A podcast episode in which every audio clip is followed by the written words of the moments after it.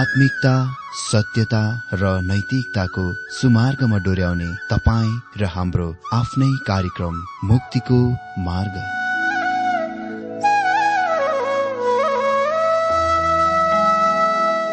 आदरणीय श्रोता यस मुक्तिको मार्ग कार्यक्रममा हार्दिक स्वागत छ आशा छ यस आत्मिक कार्यक्रमद्वारा जीवनमा आत्मिक आशिष अलौकिक शान्ति र आनन्द प्राप्त गर्नुहुनेछ। र जीवनमा धन्य अनुभव गर्नुहुनेछ। आउनुहोस् श्रोता मन र आत्माको तयारीको लागि यो मिठो अनि मधुर भजन गीत सुनौ।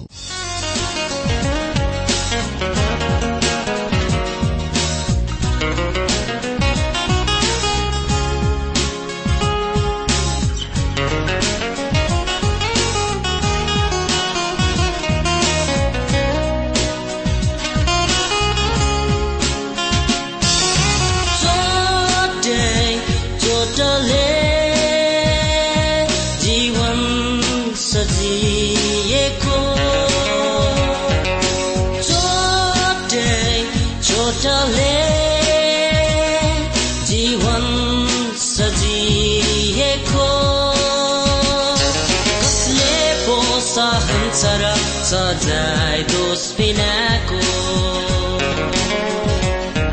कसले पो सहन्छ र सजाय दोष बिनाको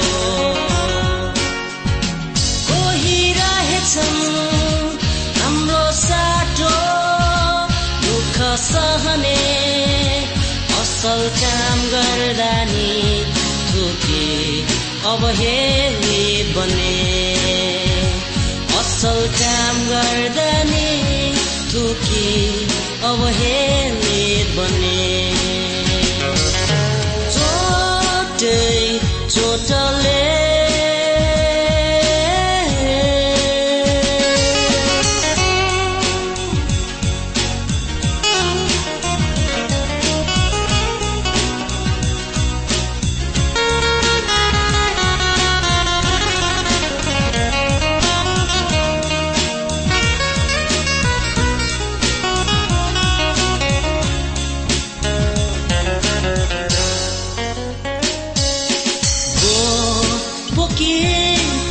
circle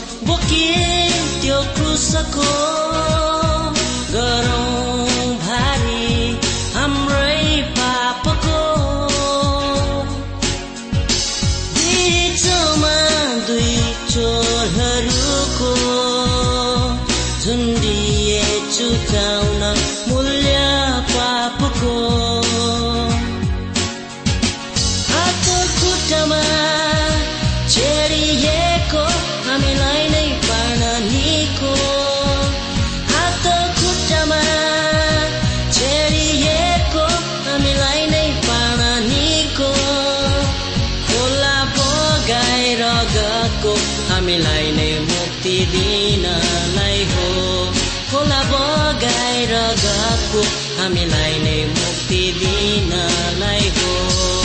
चोटै चोटले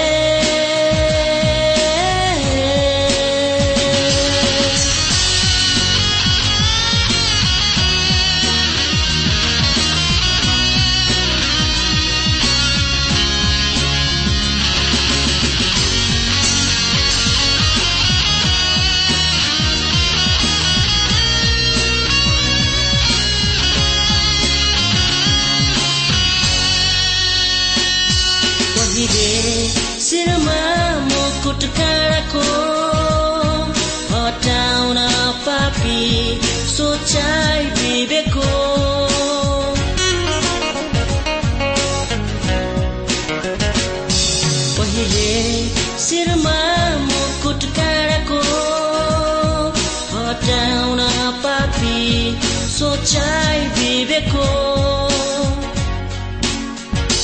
दिखो भालाले पोखामा रोपेको बिर्सन्छौ भनेर प्रेम परमेश्वरको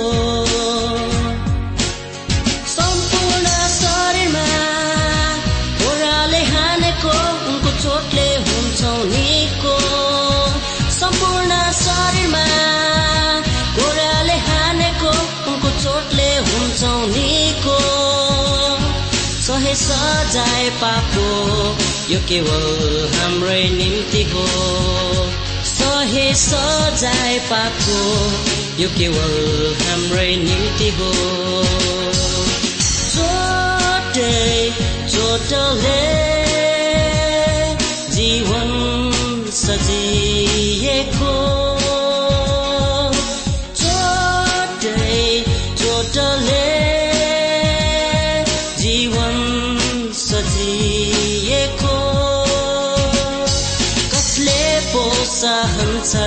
सजाय दोष बिनाको कसले पो र सजाय दोष बिनाको कोही हाम्रो साटो दुःख सहने असल काम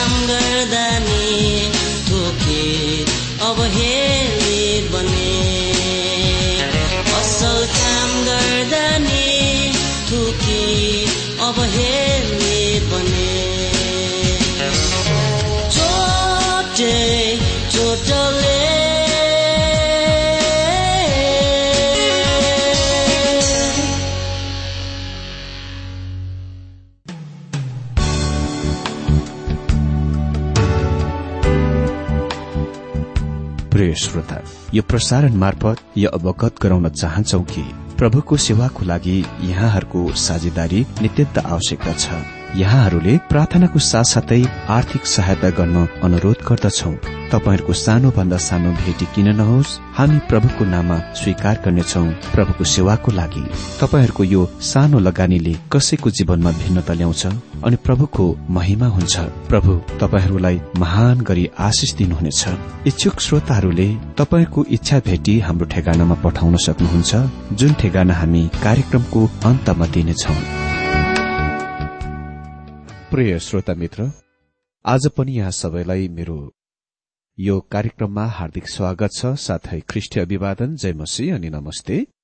श्रोता आज हामी बाइबल अध्ययन प्रकाश दुई अध्यय आठदेखि एघार पदबाट अध्ययन गर्न गइरहेका छौं। यहाँ हामी मुख्य विषयको रूपमा देख्छौ स्मरणमा भएको मण्डलीलाई ख्रिष्टको पत्र। स्मरण शहीद मण्डली हो। जुन ख्रिष्टको लागि शहीदको दुःख र यातना भोग्यो र शहीद बन्यो। स्मृर्ण शब्दको अर्थ हुन्छ मिर र यसले दुःख कष्टको अर्थ भोग्दछ। स्मृर्णाको सहर हाम्रा दिनमा पनि अझै अस्तित्वमा छ। यससँग अहिले टोर्किस नाम छ इजमिर जुनले तपाईँलाई अल्पत्र र अन्यलतामा डोर्याउन सक्छ तर यो उही सहर हो। यसलाई स्थापना गरेको समयदेखि यसमा निरन्तर बसोबास गरिँदै आएको छ। म त्यहाँ गएको छु। वास्तवमा भन्नुपर्दा हामी इजमिरमा रहेको ठहरेका छौं जब हामी त्यस क्षेत्रमा भएका प्राचीन मण्डलीहरूका स्थानहरू र ठाउँहरूको हेर्न गएका थियौं। यो वाणिज्य सहर हो। त्यहाँ कोही कोही छन् जसले हामीलाई भनेका छन् कि इजमिर इस्तानबुल भन्दा चाँडै नै ठूलो सहर हुनेछ। त्यो निश्चय नै अधिक ठूलो वाणिज्य केन्द्र हुन गइरहेको छ। त्यहाँ विशाल जनसंख्या छ। त्यस आधुनिक सहरले प्राचीन स्मरणका विध्वंसहरूका भग्नावशेषहरूका ओगटेको छ ढाकेको छ जुनले गर्दा त्यस बेला त्यहाँ भएका सुन्दरताको तपाईँ मिस गर्न चुकाउन झुकाउ भएको वा प्रवृत्त हुनुहुन्छ। मैले त्यसका केही तस्विरहरू लिएको छु र तिनीहरूलाई उदाहरणद्वारा स्पष्ट गरिने सन्देशमा स्लाइडहरूको रूपमा प्रयोग गर्दछु। म त्यसको बन्दरगाहको सुन्दरताको संकेत गर्न वा देखाउन कोसिस गर्छु। यो अति नै ठूलो र एक सबभन्दा सुन्दर बन्दरगाह हो। वास्तवमा भन्नु नै पर्दा स्मरणा एसियाको एक सबभन्दा सुन्दर सहर थियो। त्यसलाई फूल वा गहना भनिन्दथ्यो अनि यसलाई सम्पूर्ण एसियाको मुकुट पनि भनिएको छ। एक्रोपोलिस पेगोड पर्वतमा स्थित छ। भन्नु नै पर्दा प्राचीन सहर चाहिँ पछाडि करिब दुई हजार ख्रिस्ट पूर्वतिर जान्छ। त्यस समयमा त्यो हिती सहर थियो र पेगोस पर्वतको भिरालोमा र त्यसको वरिपरि निर्माण गरिएको थियो। पछिबाट अलेक्जेन्डर महानले सत्य सहरलाई खास सहरलाई सुन्दर सहर बनाउने काममा ठूलो हात रहेको छ। पेगुस पर्वतको भिरालोहरू वा ओह्रालोहरूमा बसालिएको सहरमा फराकिला बाटाहरू थिए। स्मरणलाई मुकुट सहर भनिन्दथ्यो किनभने एक्रोपोलिसलाई फूलहरूले झ्याम्म र सुगन्धित फूलको रूखहरूले घेरेको थियो। त्यो सहर महान बिल्डिङ भवनहरू र सुन्दर मन्दिरहरूले सुसञ्जित भएको थियो। त्यहाँ जियोसको मन्दिर सिबेला अर्थात डाइनाको मन्दिर अफ्रोडाइटको मन्दिर अपोलोको मन्दिर र एस्क्लेपियसको मन्दिर स्थित थियो। स्मरणमा नाट्यशाला रंगशाला र संगीत केन्द्र पनि थियो। त्यो संगीतको घर थियो। साथै त्यहाँ स्टेडियम थियो। अनि त्यो स्टेडियममा पोलिकाप स्मरणको बिशप र प्रेरित योहन्नाको विद्यार्थीलाई एक सौ पचपन्न इस्वी सम्बतमा जिउँदै जलाएर शहीद गरिए। ख्रिस्टियन साहित्यमा स्मृणाको अर्थ हुन्छ दुःख कष्ट। प्रभु येशुले त्यहाँ भएको यस मण्डलीलाई सम्बोधन गर्नुहुँदा आफ्नो पत्रमा भन्नुभयो कि उहाँले तिनीहरूका दुःख कष्ट र तिनीहरूका दरिद्रताको जान्नुहुन्थ्यो। उहाँले स्मरणमा भएको मण्डली र फिलिडेल्फियामा भएको मण्डलीको लागि कुनै र कति पनि निन्दाको आलोचनाको खण्डनको वचन दिनु भएन। यी दुई मण्डलीहरूले उहाँबाट निन्दापूर्वक वचन सुन्नु परेन।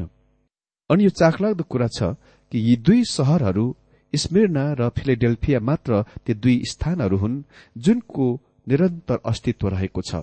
यसको मतलब अहिलेसम्म पनि यी ठाउँहरू हामी देख्न सक्छौ। तिनीहरूका सामदान निश्चय नै हटाइएको छ। तर इजमिरमा केही ख्रिस्टियन विश्वासीहरू छन्। यद्यपि तिनीहरू आवरण मुनि भए तापनि भूमिगत भए तापनि तिनीहरूले हामीसँग अप्रत्यक्ष इन्डाइरेक्ट सम्पर्क गरे जब हामी त्यहाँ गएका थियौं। तिनीहरू खुलाम रूपमा आउँदैनन् किनभने ख्रिस्टियनहरूलाई आज पनि आधुनिक टर्कीमा सताइन्दछ।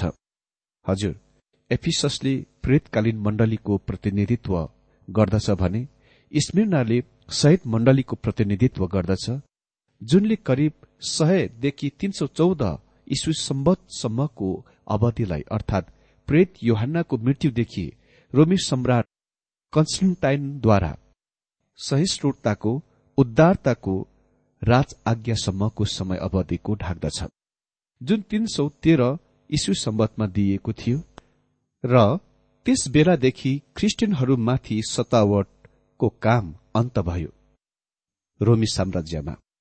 केवल स्मरणमा मात्र होइन तर पूरा रोमी साम्राज्यभरि। अहिले यहाँ हामीसँग प्रभु येशुले स्मरणमा भएको मण्डलीलाई सम्बोधन गरिरहनु भएको कुरा छ। त्यो उहाँको सबभन्दा छोटो सन्देश हो अनि यो सन्देश सबै प्रशंसनीय वचनहरू हुन्। दुई अध्ययको आठ पदमा यस प्रकार लेखिएको छ अनि स्मृणाका मण्डलीका दूतलाई यो लेख। यी कुरा आदि र अन्त्यले भन्दछ जो मरेको थियो र फेरि जीवित भयो। यो पद प्रकाश एक अध्यय सत्र र अठार पदको संकेत हो जुनले त्यही नै भनेको कुरा हामी देख्दछौ। जब मैले उहाँलाई देखे तब म मरेतुल्य भएर उहाँको पाउमा परे।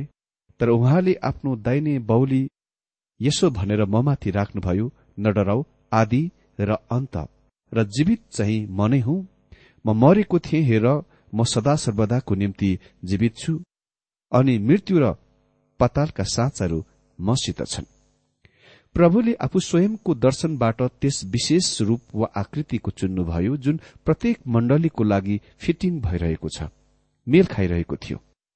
स्मरणमा भएको मण्डली कहाँ प्रभुले आफैलाई यसरी वर्णन गर्नुहुन्छ प्रथम र अन्तिम। जो मरेको थिए अहिले जीवित छु। प्रथम र अन्तिमको अर्थ हो उहाँभन्दा पहिले वा अघि केही र कोही पनि थिएन र उहाँको पछि उहाँलाई पछ्याउने केही र कोही पनि हुने छैन। सतावटमा परेका विश्वासीहरूले यो कुरा थाहा पाउन परेको थियो। उहाँ नै सम्पूर्ण कुराको पछाडि नियन्त्रक हुनुहुन्थ्यो र सतावट परमेश्वरको उद्देश्य र योजनामा थियो। जो मरेका थिए जीवित भए। यस कथनसँग शहीदहरूको लागि वास्तविक सन्देश छ। मृत्युसँग उहाँको अनुभवले उहाँलाई पचास लाख मानिसहरूसँग पहिचान गर्यो। एकरूपतामा जो यस अवधिमा शहीद भएका थिए। इतिहासकार फोक्सको शहीदहरूको पुस्तक अनुसार पचास लाख विश्वासीहरूलाई ख्रिष्टको लागि यो अवधिमा शहीद बनाइएका थिए। ख्रिष्ट मृत्युमाथि विजय हुनुभयो र उहाँले ती सतावट र शहीदको दुःख कष्ट भोगिरहनेहरूलाई बचाउन सक्नुहुन्छ। उहाँसँग तिनीहरूको निम्ति भन्ने केही अरू कुरा पनि छ। नौ र दश पदमा लेखिएको छ म तिम्रा कष्टहरू र तिम्रो दरिद्रतालाई जान्दछु तर तिमी त धनी नै छौ। म तिनीहरूलाई चिन्दछु जसले आफूलाई यहुदी हौ त भन्छन् तर वास्तवमा तिनीहरू होइनन्। तिनीहरूले गरेका निन्दा म जान्दछु। तिनीहरू शैतानको सभागर हुन्। तिमीले भोग्ने लागेका कष्टहरूसँग नडराओ हेर दियाबलसले। तिमीहरूमध्ये कतिलाई तिमीहरूका जाँचको निम्ति कैदमा हाल्न आँटेको छ। र तिमीहरूलाई दसैँ दिन कष्ट हुनेछ। तिमी मृत्यु समय विश्वासी हौ र म तिमीलाई जीवनको मुकुट दिनेछु। मित्र त्यहाँ यो मण्डलीमा सतावट र विरोधका कुराहरू छन् जुन प्रभुले प्रशंसा गर्नुभयो। पहिलो संकष्ट सर्वप्रथममा उल्लेख गरिएको छ। कामहरू शब्द चाहिँ उक्तम पाण्डुलिपिहरूमा छैन। अनि म यसलाई उपेक्षा गर्न छोड्न मन पराउँछु तर यदि तपाईँ यसलाई समावेश गर्न चाहनुहुन्छ भने त्यो गर्नुहोस्। असल कुरा हो। यो कुरा याद राख्नुहोस् यो महासंकष्टकाल बाक्लो होइन। यसको मतलब खालि संकष्ट मात्र हो। जबकि रोमी सम्राटहरूद्वारा मण्डलीको भयानक सतावटलाई महाकले संकष्ट नभनिएकोले गर्दा निश्चय नै हाम्रा सानातिना कष्टहरू क्लेशहरू महाक्लेश वा महासंकष्ट होइनन्। तर स्मरणमा मण्डलीले धेरै सतावट भोगे र तिनीहरूले प्रभु येशुको लागि दुःख कष्टहरू भोगे। दोस्रो दरिद्रता गरिबी। यसले चाहिँ भौतिक कुराहरूको अभावको संकेत दिन्छ। प्राचीन मण्डलीमा अधिकांश गरीब वर्गका मानिसहरू थिए। जब धनीहरू ख्रिस्टमा विश्वास गर्थे तिनीहरूका विश्वासको कारण तिनीहरू धन सम्पत्तिहरू जप्त गरी खुसी लगिन्दथे। तर तिमी धनवान छौ। यसले मण्डलीको आत्मिक धनको संकेत गर्दछ। तिनीहरू सम्पूर्ण आत्मिक आशिषहरूले आशिषित भएका थिए। यो लाउडेसियामा भएको धनी मण्डलीको तुलनामा ठिक विपरीत। यस कुराको ध्यान दिनुहोस्। त्यस मण्डलीलाई उहाँले भन्नुभयो तिमी सोच्दछौ कि तिमी धनी छौ तर तिमी वास्तवमा गरिब छौ र यसको जान्दैनौ। मित्र यो सहित मण्डली स्मरणमा अधिकांश विश्वासीहरू धनी पृष्ठभूमिकाहरू थिएनन्। तिनीहरू धेरैजसो दासहरू पूर्ववर्ती दासहरू अघिका दासहरू भगौडे दासहरू स्वतन्त्र गरिएका दासहरू र गरीब मानिसहरू थिए। र तिनीहरूले आफूसँग भएका जे जति कुराहरू र धन पैसाहरू गुमाए जब तिनीहरू प्रभुमा विश्वासी ख्रिस्टियन बने। त्यसकारण तिनीहरू भौतिक रूपमा गरिब थिए। तेस्रो म तिमीहरूका निन्दा पनि जान्दछु जसले हामी यहुदीहरू हौ भन्छन् तर होइनन् शैतानका सभा हुन् द्याबलसका सभा हुन् यसको तात्पर्य यो हो कि स्मरणमा भएका यहुदीहरू जो ख्रिस्टमा आएका थिए आन्तरिक रूपमा साथै बाहिर रूपमा यहुदीहरू थिए। रोमी नौ अध्ययको छ पदमा पाओले भन्छन् कि सबै इसरायलीहरू इसरायली हुँदैनन्। त्यो उसको धर्मले नै यहुदीलाई पक्का वास्तविक यहुदी बनाउँछ। उसको धर्म त्यो कुरा हो जुनले उसको पहिचान गर्दछ चिनारी दिन्छ। ख्रिष्ट रूपमा तिनीहरूको बारेमा कुरा गर्दा परमप्रभुले भन्नुभयो कि तिनीहरूका पिता फिरन्ते आरामी थिए। तर स्मिर्ना चाहिँ संस्कृतिको सहर थियो जुनमा धेरै यहुदीहरूले पुरानो नियमका वा नियममा तिनीहरूका विश्वास फ्याँकेका थिए वा विश्वास भरोसा राखेका थिए। यद्यपि तिनीहरूले भन्थे कि तिनीहरू यहुदीहरू थिए जब यहुदीहरूले आफ्नो धर्मको त्याग्दछ छोड्दछ त्यहाँ प्रश्न छ उनी पक्का यहुदी हुन् या होइनन् भन्ने। जर्मनीमा धेरैले त्यो गर्न कोसिस गरे। शताब्दी शताब्दीदेखि यी मानिसहरूका खाली बाँकी बचेका जुनलाई हामी अंग्रेजमा रेभनेन भन्छौं तिनीहरू मात्र छन् जो वास्तवमा परमेश्वरका पक्का सत्य जनहरू हुन्। चौथो कुरा तिमीले कष्ट भोग्न लागेका कुराहरूमध्ये कुनैसँग नरराउ यो निश्चय नै खेदो र सतावटहरूको बीचमा उहाँका आफ्ना जनहरूलाई महान उत्साहको कुरा हो। यो यस पुस्तकमा दोस्रो पल्ट हो प्रभुले यो उत्साह दिनुभएको छ। इतिहासले भन्छ कि भीड़का भीड़ विश्वासीहरू परमेश्वरलाई स्तुति प्रशंसा गर्दै आफ्नो मृत्युमा गए। उहाँको स्तुति प्रशंसा गर्दा तिनीहरूले मृत्युको अंगाल्न शहीद मृत्युको अंगाल्न खुशी भए। पाँचौं शैतानले तिमीहरूमध्ये कतिलाई झेलखानमा हाल्नेछ हामी यस भयानक प्राणीको बारेमा पछिबाट विवरणसहित हेर्न गइरहेका छौं। तर ख्रिस्टले यहाँ चाहिँ त्यसलाई स्मरणमा भएका विश्वासीहरूका दुःख कष्टहरूको लागि जिम्मेवारी उत्तरदायीको रूपमा दोष लगाउनुहुन्छ। मित्र तपाईँ र म तत्कालिक वा निकटतम व्यक्ति वा परिस्थितिलाई दोष लगाउन झुकाउ हुँदछौ। जुनले शैतानको औजारको रूपमा सेवा गर्दछ। तर प्रभु यसो चाहिँ जड मुख्य समस्यातिर जानुहुन्छ। म यस पोइन्टमा बिन्दुमा आफ्नो व्यक्तिगत वचनको घुसाउन चाहन्छु। म मेरो जीवनमा आएका हरेक कुरालाई परमेश्वरको दण्ड वा परमेश्वरको न्याय र ताड़नाको रूपमा विचार गर्दथे वा वर्गीकरण गर्दथे। तर जब मैले एक पछि एक धेरै शारीरिक समस्याहरूको अनुभव गर्न थाले म अन्यलतामा परे। अनि त्यसपछि केही मानिसहरूले मलाई यो भन्यो म विश्वास गर्दछु कि शैतानले त्यस कुराको लागि जवाब दिएछ जुन तिम्रो जीवनमा घटिरहेको छ भइरहेको छ। अनि मैले निर्णय गरे कि यो मलाई ग्रसित गर्ने प्रहार गर्ने धेरै शारीरिक समस्याहरूको लागि यो नै खास स्पष्टीकरण हुनै पर्छ। त्यो नै यी समस्याहरूको जवाब दियो अनि छैटौं दश दिनसम्म तिमीहरूलाई संकष्ट हुनेछ। मित्र दश रोमी सम्राटहरूद्वारा त्यहाँ दश तीव्र प्रचण्ड सतावटको अवधिहरू आएका थिए। मैले दिन गइरहेको मितिहरू चाहिँ मोटामोटी हुन् सालाखाला हुन्। चौसठीदेखि अडसठी इस्वी सम्बतमा आफ्नो शासनकालमा नेहरू सम्राटद्वारा पावलको शिर काटेर मारिए र त्यसबेला हजारौं विश्वासीहरू पनि शहीद भए।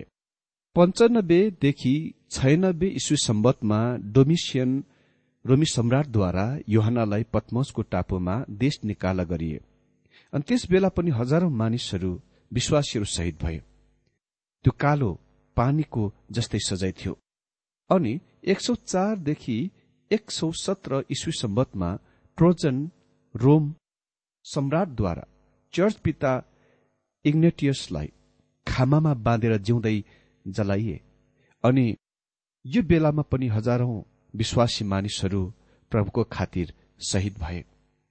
अनि एक सौ एकसठीदेखि एक सौ अस्सी इस्वी सम्बतमा मर्कुस औरलियस रोमी सम्राटद्वारा चर्च पिता पोलिकाप शहीद गरिए। अनि दुई सौदेखि दुई सौ एघार इस्वी सम्बतमा सर्भेरस रोमी सम्राटद्वारा विश्वासीहरूलाई खेदो र सतावट गरिए। हजारौं शहीद भए। दुई सौ पैंतिस र दुई सौ छत्तीस इस्वी सम्बतमा मेक्सिमिनस रोमी सम्राटद्वारा विश्वासीहरूलाई खेदो र सतावट भयो र हजारौं शहीद भए दुई सौ सन्ताउन्नदेखि दुई सौ साठी इस्वी सम्बतमा भेलेरियन रोमी सम्राटद्वारा विश्वासीहरूको खेदो र सतावट भयो र हजारौं शहीदहरू बने।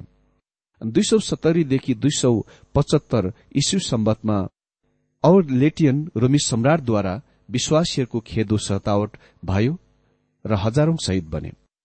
अनि तीन सौ तीनदेखि तीन सौ तेह्र इस्यु सम्बतमा डाइक्लेटियन रोमी सम्राट सबभन्दा खराब क्रूर निर्दयी सम्राट थिए र उसका हातद्वारा हजारौं विश्वासीहरू शहीद भए। सातौं तिमी मृत्युसम्म विश्वासयोग्य रह। अमित्र तिनीहरू मृत्युसम्म विश्वासयोग्य रहे। तिनीहरू उहाँको लागि शहीदहरू भए। उहाँ तिनीहरूलाई प्रतिज्ञा गर्नुहुन्छ जीवनको मुकुट। यो कुराको ध्यान दिनुहोस्। उहाँले ती विश्वासीहरूको सम्बोधन गरिरहनु भएको छ जो मुकुटको सहर स्मरणमा रहँदथे। यो चाखलाग्दो छ कि तिनीहरूलाई उहाँ भनिरहनु भएको छ कि उहाँले मुकुटहरू दिनुहुनेछ। फूलका मुकुटहरू होइन। नष्ट हुने कुनै कुराको मुकुटहरू होइन। वा कुनै त्यस्तो मुकुट होइन। तर त्यो मुकुटहरू हुन्। जुन अनन्त अनन्तसम्म रहिरहन्छ। उहाँको लागि दुःख कष्ट भोग्नेहरूको लागि उहाँसँग खास विशेष मुकुटहरू छन्। म जान्दछु कि धेरै अद्भुत महान परमेश्वरका सन्तहरू जनहरूले त्यो मुकुट कुनै दिन पाउन गइरहेका छन्। मेरो मित्र यदि तपाईँ यस समयमा ख्रिस्टको लागि दुःख कष्ट भोगिरहनु भएको छ भने र तपाईँ सायद यो सोच्दै अलमल परिरहनु भएको होला कि उहाँले मलाई वास्ता ख्याल गर्नुहुन्छ? म भन्छु उहाँसँग तपाईँको लागि अनन्ततामा के असल कुराहरू छन्। तपाईँले केही त्यस्तो कुराहरू पाउन गइरहनु भएको छ। जुन तपाईँको जस्तो स्थितिमा हुनेहरू बाहेक अरू कसैले पाउने छैनन्। परमेश्वरको वचनले भन्छ याकुब एक अध्ययको बाह्र पदमा धन्य हो त्यो मानिस जो परीक्षामा स्थिर रहन्छ किनकि उसको जाँच भइसकेपछि उसको जीवनको मुकुट पाउनेछ। जुन मुकुटको प्रतिज्ञा प्रभुले आफूलाई प्रेम गर्नेहरूसित गर्नुभएको छ। ओ यो कस्तो महिमित प्रत्याशा छ जुन आज उहाँको खातिर दुःख कष्टमा हुनेहरूको जीवनमा दुःख कष्टमा हुनेहरूको जीवनको लागि यो कस्तो प्रत्याशा? एघार पदमा लेखिएको छ जसको कान छ त्यसले सुन्नुहोस् पवित्र आत्माले मण्डलीहरूलाई के भन्नुहुन्छ? जसले जित्छ त्यसलाई दोस्रो मृत्युदेखि केही हानि हुने छैन। जसको कान छ उसले सुन्नुहोस् आत्माले मण्डलीहरूलाई के भन्नुहुन्छ? के तपाईँले आज उहाँको कुरा सुन्नुभएको छ? के उहाँ तपाईँसँग बोलिरहनु भएको छ? दोस्रो मृत्यु डिएल मोडीले यसलाई यसरी राख्छन् जो एकपल्ट जन्मन्छ दुईपल्ट मर्नेछ तर जो दुईपल्ट जन्मन्छ एकपल्ट मात्र मर्नेछ। यदि उसको जीवनकालमै स्वर्गीय यात्राले स्थान लिए उनी त्यो एकपल्ट पनि मर्नुपर्ने छैन। दोस्रो मृत्यु चाहिँ त्यो मृत्यु हो जुन कुनै विश्वासीहरूले अनुभव गर्ने छैनन्। पहिलो मृत्यु शारीरिकसँग वा शरीरसँग सम्बन्धित छ। दोस्रो मृत्यु चाहिँ आत्मा र प्राणसँग सम्बन्धित राख्छ। यो चाहिँ परमेश्वरबाट अनन्तकालीन अलगाउ छुट्टनामा हो। कुनै विश्वासीहरू यसमा भएर जानुपर्ने छैन। परमेश्वरले आजको यो बाइबल अध्ययनद्वारा हरेकलाई धेरै धेरै आशिष दिनुभएको होस्।